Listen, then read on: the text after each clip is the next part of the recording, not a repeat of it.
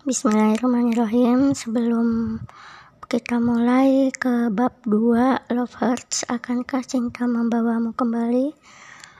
So, saya mau minta komentar, saran, dan kritik bagi yang mendengar uh, pembacaan novel selama ini.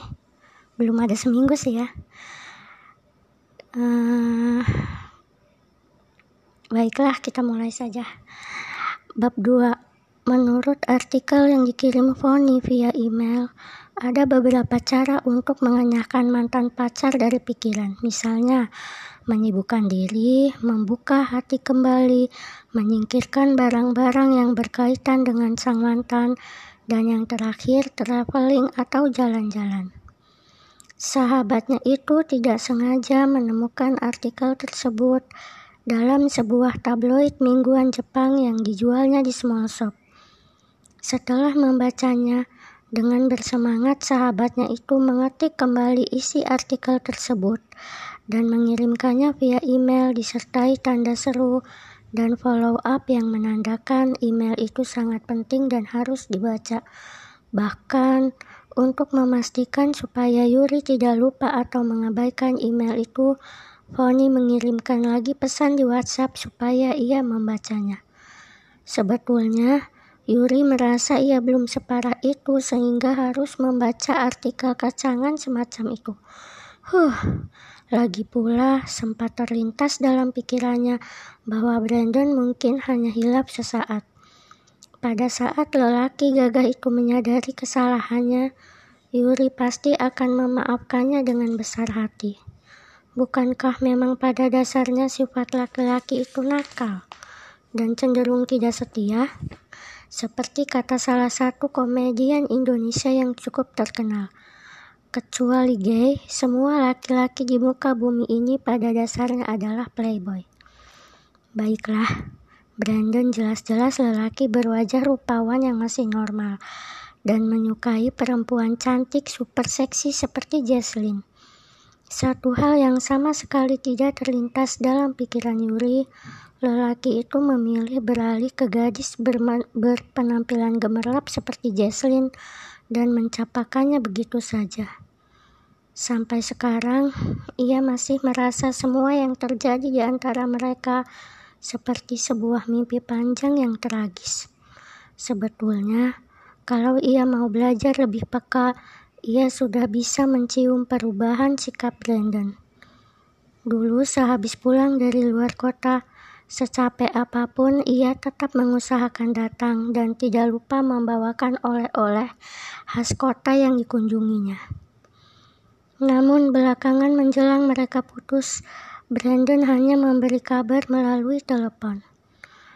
Lalu kebiasaannya main ke apartemen hampir setiap hari menjadi hanya seminggu sekali di malam minggu. Malam yang sepertinya sudah menjadi kewajiban wakuncar buat orang-orang yang memiliki pacar. Namun saat itu Yuri tidak berprasangka buruk terhadap perubahan sikap Brandon. Barangkali pemuda itu capek dengan urusan pekerjaan. Sama halnya ia juga tidak memikirkan sesuatu yang jelek ketika mendengar laporan Bani yang pada suatu malam melihat Brandon berduaan dengan seorang gadis cantik di bioskop premier.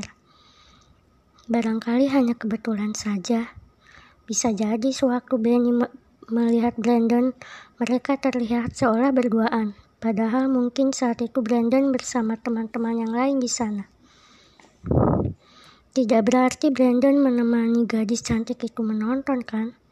Meskipun kalau ia mau jujur, Jauh di dalam lubuk hatinya ia merasakan setitik keresahan mendengar berita itu. Tapi Yuri memilih untuk tidak ambil pusing. Ia malah sudah hampir melupakannya. Sampai suatu sore, sahabatnya itu menyenggol sikunya ketika mereka sedang duduk-duduk di kantin kampus sehabis kuliah. Ri, kamu lihat cewek yang duduk dekat jendela itu? Tanya Bani separuh berbisik mengarahkan matanya ke tempat yang ia maksud. Yuri yang sedang mengaduk-aduk es cendolnya lantas mendongeng sejenak, mengikuti arah pandangan Bani. Siang itu kantin kampus lumayan sepi, Jadi tanpa perlu bertanya untuk memastikan lagi, ia langsung tahu gadis yang dimaksud Bani. Yang memakai blus pink lengan pendek itu. Ika yang duduk di sebelah Yuri ikut-ikutan berpaling ke arah yang dimaksud Bani. Yang lagi asik baca itu kan? Aku tahu anak itu, meski tidak kenal. Dia jurusan manajemen, katanya sih pindahan dari Surabaya. Aku sering melihatnya bawa mobil Mazda CX-5 timpalnya, menjelaskan panjang lebar meski tidak ditanya. Pindahan dari Surabaya, Yuri memandang kedua sahabatnya dengan polos. Memang nilai dan SKS bisa ditransfer. Ika mendecak. Ya bisa lah, Ri. Buktinya orangnya sekarang sudah kuliah di sini. Tiba-tiba Bani menyeletuk. Namanya Jesslyn, cantik ya anaknya. Saat itu secara tidak sengaja gadis itu melirik ke arah mereka. Membuat ketiganya serentak memalingkan wajah ke arah lain.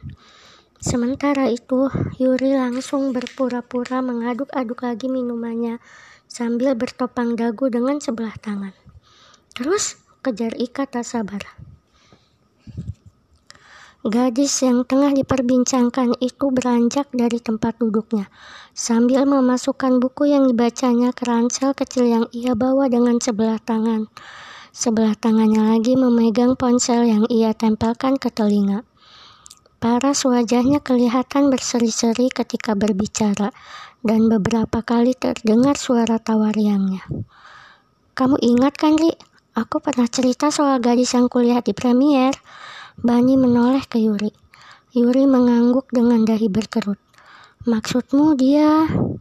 Ia tidak melanjutkan kalimatnya, berharap dugaannya salah. Tapi ternyata Bani menganggukkan kepalanya dengan mantap. Iya, gadis itu yang aku lihat bersama Brandon di Premier. Ulang Bani bersamaan dengan embusan napasnya, membuat Ika yang mendengarnya langsung membelalakan kedua mata dengan mulut terbuka. What? So, ada yang tidak kalian ceritakan kepadaku selama ini? Protesnya dengan suara keras, membuat beberapa mahasiswa yang baru masuk dan duduk persis tiga meja di depan mereka menoleh ke meja mereka dengan raut penasaran. Jadi namanya Jesslyn. Tak sadar Yuri menarik napas panjang. Oke, oke. Belum tentu seperti yang dipikirkan teman-temannya. Tapi kenapa bisa begitu kebetulan? Kelayannya kebetulan mahasiswi di sini. Tiba-tiba ada perasaan tidak enak merayapi hatinya. Meskipun ia masih berusaha berpikir positif, ia akan menanyakannya sambil lalu kepada Brandon ketika pemuda itu datang ke apartemennya. Malam itu malam minggu. Brandon baru muncul setelah jam di dinding ruang duduk hampir menunjukkan pukul 11 malam. Sudah seminggu ini mereka tidak bertemu. Terakhir mereka berbicara lima hari yang lalu. Itu pun sedikit buru-buru karena di ujung telepon terdengar suara cukup ramai dan Brandon sepertinya sangat sibuk sehingga mereka hanya bicara secukupnya. Ia berharap Brandon tertawa geli mendengar pertanyaannya sambil memandang dalam-dalam dengan sepasang mata kelamnya yang teduh. Tatapan yang semestinya berbaur kerinduan, karena sudah hampir seminggu mereka tidak bertemu. Tatapan yang membuat Yuri setiap kali ingin berlabuh di dalamnya. Namun kali ini perkiraannya salah.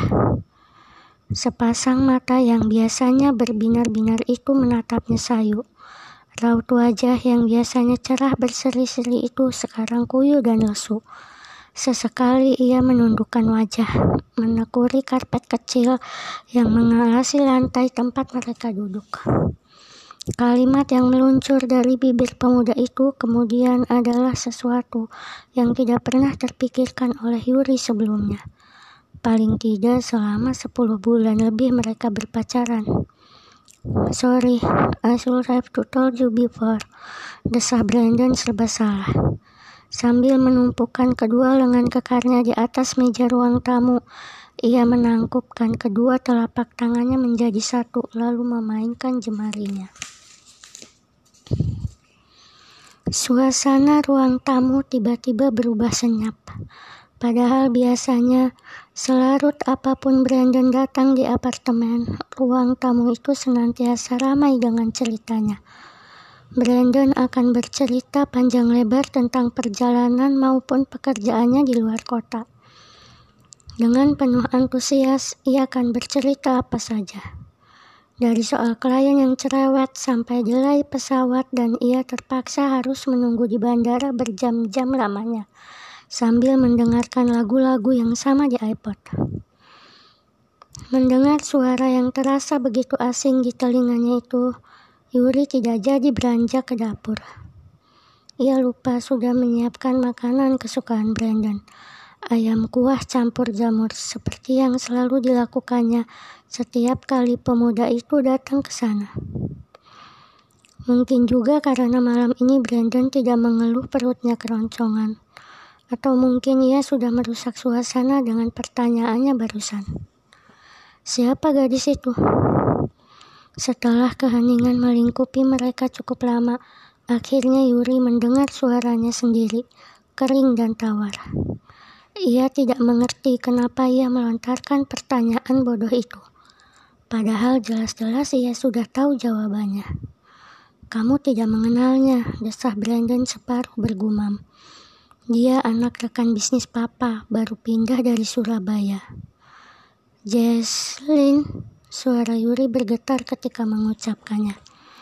Ia berusaha bersikap setenang mungkin, tapi ia tidak bisa membohongi dirinya sendiri. Sekujur tubuhnya tiba-tiba dingin membeku seolah habis diguyur air es. Lidahnya keluh. Dadanya serasa sesak bukan main. Ia berusaha meyakinkan dirinya bahwa ia tidak sedang bermimpi. Lelaki yang begitu dicintainya, tempat ia menumpahkan semua perasaan dan perhatiannya selama hampir setahun, sekarang duduk di hadapannya dan berterus terang mengakui dirinya berselingkuh. Brandon mengangkat wajahnya. Dari mana kamu tahu? Ada pendar keterkejutan membias di raut wajahnya yang tampan. Hanya sesaat memang, karena setelah itu ia berusaha bersikap tenang. Meski masih terlihat basah tubuhnya yang gelisah dan serba salah duduk di hadapan gadis yang sedang menatapnya dengan sorot mata terluka. Yuri tidak menjawab. Dadanya tiba-tiba terasa sesak. Ia menarik napas panjang lalu mengembuskannya dalam-dalam. Baiklah, Brandon mengakui perselingkuhan tersebut. Tapi still, it is not the end of the relationship yet. Mungkin ia hanya hilaf. Barangkali Brandon hanya tergoda sesaat. Yuri masih berusaha bersikap setenang mungkin. Jadi, ia memaksakan sebuah senyum meski kecut. Ada yang perlu dijelaskan? Kamu cuma main-main kan? Honestly, I don't know. Yuri bergidik mendengar helaan napas panjang pemuda itu. Aku sendiri bingung, semuanya terjadi begitu saja. Suaranya yang berubah parau terdengar seolah-olah menggema dalam kepala Yuri. Suara itu terasa asing, seperti bukan milik Brandon, bukan milik lelaki yang ia kenal selama ini. Tak sadar, Yuri menggeser duduknya menjauh dari lelaki itu. Tiba-tiba saja ia merasa sesuatu yang buruk akan terjadi dengan hubungan mereka. Hanya masalah waktu saja sampai pemuda itu mengatakannya. Dan memang tidak perlu waktu lama untuk membuktikan dugaannya tidak salah. Suatu sore, seminggu setelah ia diwisuda, di saat langit begitu cerah dengan awan-awan tipis berarakan, Brandon mengajaknya bertemu di taman di belakang kampus. Saat itu udara terasa begitu sejuk, angin berembus sepoi-sepoi. Sambil duduk menunggu Brandon ditemani secangkir green tea frappuccino yang dibelinya di gerai kopi kampus, Yuri berusaha meredakan degup jantungnya yang, sejarah, yang sedari tadi berdebar kencang. Meskipun ia tahu kecil kemungkinan hubungan mereka akan bertahan, hati kecilnya masih menyimpan setitik harapan. Brandon tidak akan memilih Jesslyn dan mengakhiri hubungan mereka. Entah karena ia terlalu percaya diri atau karena tidak rela karena hubungan mereka harus porak-poranda hanya gara-gara kehadiran seorang gadis cantik seperti Jesslyn. Tapi ketika Brandon muncul di sana, Yuri tidak perlu waktu lama untuk menebak apa yang akan dikatakan pemuda itu. Sekali lagi, Ri, I'm so sorry. Saat itu Yuri baru menyadari Brandon telah berubah. Selama ini ia tidak memperhatikannya atau mungkin ia sengaja mengabaikannya. Yuri memang tidak bisa menjelaskannya dengan kata-kata, tapi ia bisa merasakannya. Ada sesuatu, ada sesuatu yang terasa tidak pas, sesuatu yang sepertinya disembunyikan pemuda itu. It's just suara serak Brandon yang bergetar dan terbata-bata menyadarkannya. It's I just don't think it works for both of us. Ia berhenti sejenak, lalu menatap lurus-lurus ke dalam mata Yuri dan melanjutkan dengan suara lirih. Sekali lagi, aku, aku minta maaf, Ri. Tapi aku, aku tidak bisa melanjutkan hubungan ini lagi. Sebetulnya, ia memang tidak perlu merasa kaget. Untuk seseorang yang sudah kau kenal baik selama dua tahun, kau pasti bisa mengira-ngira apa yang akan dikatakan orang tersebut setelah ia mengakui perselingkuhannya dengan raut wajah tak bersalah selain kata sorry. Meski begitu, ia masih mendengar suaranya sendiri yang bergetar. But why? Kenapa? Kenapa kau tidak pernah membicarakannya? Matanya sudah berkabut tapi ia berusaha tidak menangis. Tidak, tidak sekarang. Otaknya masih belum bisa mencerna kalau hubungan mereka segera akan berakhir. Sungguh tidak berartikah hubungan mereka selama ini bagi Brandon? Tidak adakah kenangan yang bisa menahannya untuk tidak pergi meninggalkannya begitu saja? Hanya karena ia bertemu gadis cantik dan serba menarik seperti Jesslyn. Begitu tipiskah ikrar cinta mereka? Sekali lagi ia menatap lurus-lurus ke dalam mata kelam milik Brandon. Mata yang senantiasa ia rindukan, yang selalu menawarkan keteduhan dan kehangatan. Jauh di dalam lubuk hati Yuri, ia masih menyimpan setitik harapan terakhir.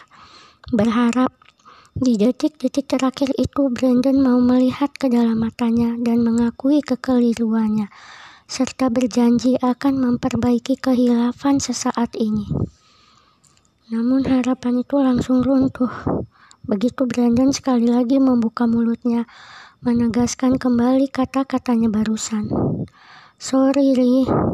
Ia mengangkat bahu dengan wajah penuh penyesalan. It is over. Saat itu pula Yuri menyadari dunia yang selama ini bangunnya bersama Brandon telah runtuh, remuk berantakan. Tanpa menunggu lebih lama lagi, ia segera beranjak dari tempat duduknya dan tanpa menoleh lagi ia berlalu dari sana.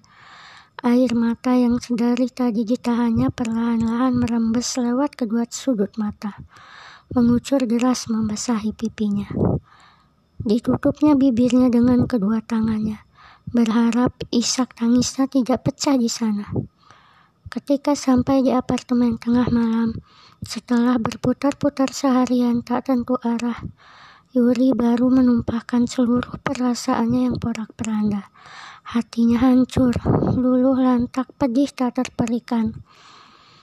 Bani, sahabat baik Yuri yang tinggal seapartemen dengannya, kaget setengah mati begitu melihat Yuri muncul di pintu apartemen dengan mata sembab. Tergesa-gesa ia menghampiri Yuri yang sudah menghambur ke dalam kamar. Dengan wajah bersimbah air mata, Yuri menelungkup mengempaskan dirinya di atas pembaringan, seolah hendak menenggelamkan seluruh kesedihannya di sana. Hari-hari setelah itu terasa berat bagi Yuri. Untungnya, kejadian itu terjadi setelah wisuda, sehingga ia tidak perlu bertemu dengan Brandon di acara wisuda.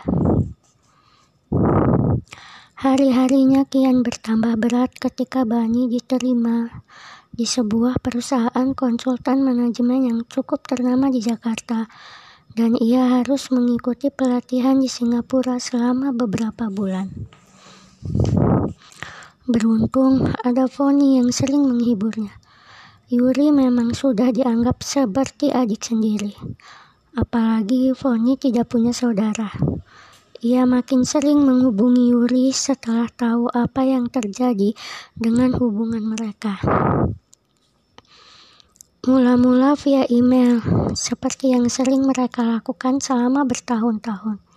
Lalu WhatsApp, tapi karena Yuri sering tidak membalas email dan WhatsApp, akhirnya Foni menelpon ke ponsel atau kalau masih tidak diangkat, gadis itu menelpon ke apartemen. Cara itu ternyata cukup efektif. Yuri tidak sampai hati tidak mengangkat telepon Foni yang sudah menghubunginya jauh-jauh dari Jepang. Belakangan, dikarenakan tagihan telepon yang membengkak, Keduanya menggunakan sarana Skype untuk saling berkomunikasi. Ketika melihat Yuri makin terpuruk dalam kubangan kesedihan, Foni mengirimkan artikel yang kebetulan dibacanya dan memaksa Yuri ikut membacanya. Setelah itu, mereka membahasnya bersama-sama.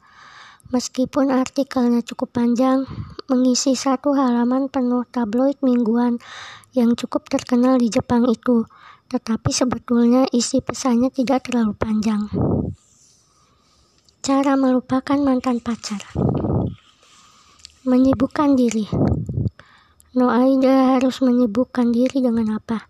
Sepuluh bulan lebih berpacaran dengan Brandon, seluruh waktunya hanya untuk Brandon. Boleh dibilang, Praktis Yuri sudah tidak banyak memiliki teman. Membuka hati kembali. Melintas di dalam pikiran pun tidak. Bagaimana membuka hati kalau melupakan saja begitu susah? Hilangkan barang-barang yang berkaitan dengan sang mantan. Jujur, ini belum bisa dilakukan Yuri sekarang. Foni malah tidak tahu kalau diam-diam sejak mereka berpisah, Yuri malah memajang semua barang pemberian pemuda itu di meja hias, termasuk foto-foto mereka berdua. Kalau Foni tahu, ia pasti akan protes keras. Traveling atau jalan-jalan. Hmm. Ketika mereka sampai pada poin terakhir dari artikel itu, Yuri tertegun. Melihat sahabatnya terlihat seolah sedang menimbang-nimbang sesuatu, Foni langsung memberi usul agar Yuri berlibur di Tokyo. Biar kupikirkan dulu, Fon. Kilah Yuri setelah disesak Kilah Yuri setelah didesak Foni yang terlanjur gemas menunggu jawabannya. Aku bisa beliin tiket buatmu datang ke sini kalau kamu setuju. Kamu bisa bayar aku kapan-kapan, kejar Foni tak sabar. Yuri mengempaskan napas. Kamu tahu, bukan itu masalahnya, desah Yuri pelan. Ayolah, kalau bukan itu masalahnya, tunggu apa lagi? Tukas Foni memasang ekspresi jengkel. Kamu mau meratapi lelaki brengsek itu terus-menerus? Apa kamu tidak sadar dia sudah... Beri aku waktu memikirkannya, potong Yuri cepat. Sesuatu menoreh perih dalam hatinya ketika mendengar sahabat baiknya itu menyebut Brandon brengsek. Kalau saja Foni bukan temannya sejak kecil, mungkin ia akan tersinggung. Tidak, Brandon tidak sebrengsek itu. Ia percaya pemuda itu akan kembali. Ia akan membuat pemuda itu tidak berpaling lagi darinya. Aku yakin dia akan menelponku. Dia pasti kembali Desah Yuri separuh bergumam, seolah berbicara kepada dirinya sendiri. Foni khawatir campur gergetan melihatnya. Ia lebih terbelalak lagi mendengar ucapan Yuri selanjutnya. Kamu tahu kan, aku khawatir saat dia mencariku. Aku malah sedang jalan-jalan di Jepang. Namun, rasa percaya diri Yuri akhirnya sirna setelah tidak ada kabar sama sekali dari Brandon. Nomor lelaki itu tidak pernah muncul lagi di layar ponsel Yuri. Tidak ada SMS, tidak ada WhatsApp, apalagi mengharapkannya muncul di apartemen. Lelaki pujaannya itu hilang seperti ditelan bumi. Bukannya Yuri tidak berusaha menghubunginya, Ia sudah mengirim pesan melalui WhatsApp, SMS, menelpon, tapi semuanya sia-sia. Brandon tidak pernah membalas pesannya. Teleponnya pun tidak diangkat. Ada bunyi nada sambung menandakan nomor itu masih aktif, tapi tidak ada yang menjawab. Ketika Yuri nekat telepon lagi untuk ketiga kalinya selang seminggu setelah telepon kedua, ia tidak lagi mendengar nada sambung. Telepon itu memang dijawab, tapi yang menjawab bukan Brandon. Brandon lagi sibuk, tidak bisa diganggu, sahut suara di seberang dengan ketus tanpa basa-basi. Tanpa berpikir pun, Yuri sudah bisa menebak siapa pemilik suara nyaring itu. Sejenak Yuri terbangun, tidak menyangka reaksi Jesslyn seperti itu. Tak sadar ia mencengkeram kuat iPhone dalam genggaman tangannya. Kalaupun Brandon sedang sibuk, kenapa gadis itu harus bersikap seketus itu? Apakah gadis itu tidak merasa bersalah sedikit pun? Bukankah seharusnya ia yang bersikap seperti itu, bukan sebaliknya? Tapi Yuri segera menyadari tujuannya menghubungi Brandon. Ia tidak mau menyia-nyiakan kesempatan ini. Setidaknya teleponnya sudah diangkat meskipun yang menjawab teleponnya bukan Brandon. Paling tidak, ia bisa meninggalkan pesan supaya Brandon menghubunginya. Maaf, terkutuklah ia ketika mengucapkan kata itu. Tapi seseorang yang sedang bingung dan kalut bisa melakukan kesalahan apa saja, bukan? Bahkan yang paling konyol dan tak masuk akal sekalipun. Bisa hmm, pesan untuk Brandon supaya menghubungi kembali Yuri tergagap. Dalam hati, ia sempat merutuki dirinya habis-habisan. Kenapa justru ia memohon seperti itu kepada orang yang merebut pacarnya? Harusnya ia melabraknya, bukan? Kamu gadis murahan pacar perebut pacar orang. Kalau bukan gara-gara kamu, kami masih bersama-sama. Kalau bukan gara-gara kamu, Brandon tidak akan mencampakkanku begitu saja. Kau tahu, 10 bulan bukan waktu yang singkat. Bagaimana kalau sekarang kau yang berada di posisiku? Apakah kamu masih akan bersikap sesopan ini? Napas Suri memburu, tapi kata-kata yang sudah hendak dilontarkannya itu hanya berhenti di ujung bibir. Ini siapa? Gadis itu bertanya balik. Nadanya sangat tidak bersahabat. Ingin rasanya saat itu pula Yuri menutup telepon. Tapi ketika diingatnya, mungkin ini satu-satunya kesempatan terakhir untuk bisa bicara dengan Brandon. Ia berusaha meredam emosi yang serasa hendak membuncah keluar. Yuri, Kimura Yuri, sahutnya pendek. Oh, kau ternyata. Ada apa mencari Brandon? Kamu tahu kan dia sudah tidak ingin lagi berbicara denganmu? Balas Jesslyn dengan nada suara yang masih sama ketus dan tidak memedulikan perasaan lawan bicaranya. Pertanyaan tersebut memang tidak memerlukan jawaban. Lalu saluran telepon tiba-tiba hening. Gadis itu telah mengakhiri pembicaraan tanpa basa-basi lagi, membuat Yuri seketika meradang marah. Ia menurunkan ponsel dengan dada bergemuruh. Jantungnya berdebar kencang menahan kedongkolan yang menggelegak. Darah terasa mengalir begitu cepat di sepanjang pembuluh darah tubuhnya. Bukan, haren, bukan hanya karena Jesslyn memutuskan sambungan telepon dengan cara tidak sopan seperti itu, tapi kata-katanya juga begitu merendahkan. Seolah-olah ia gadis belasan tahun yang tidak punya rasa malu, dan masih tergila-gila kepada cowok yang jelas-jelas sudah tidak menginginkannya lagi. Kalau saja Jesslyn berada di hadapannya sekarang, barangkali ponsel yang sedang digenggamnya dengan gemas itu sudah dilemparkannya ke mulutnya yang tidak terdidik itu. Dengan penuh kedongkolan, Yuri mengempaskan diri di sofa ruang tamu apartemen dan mengempaskan ponselnya di atas meja.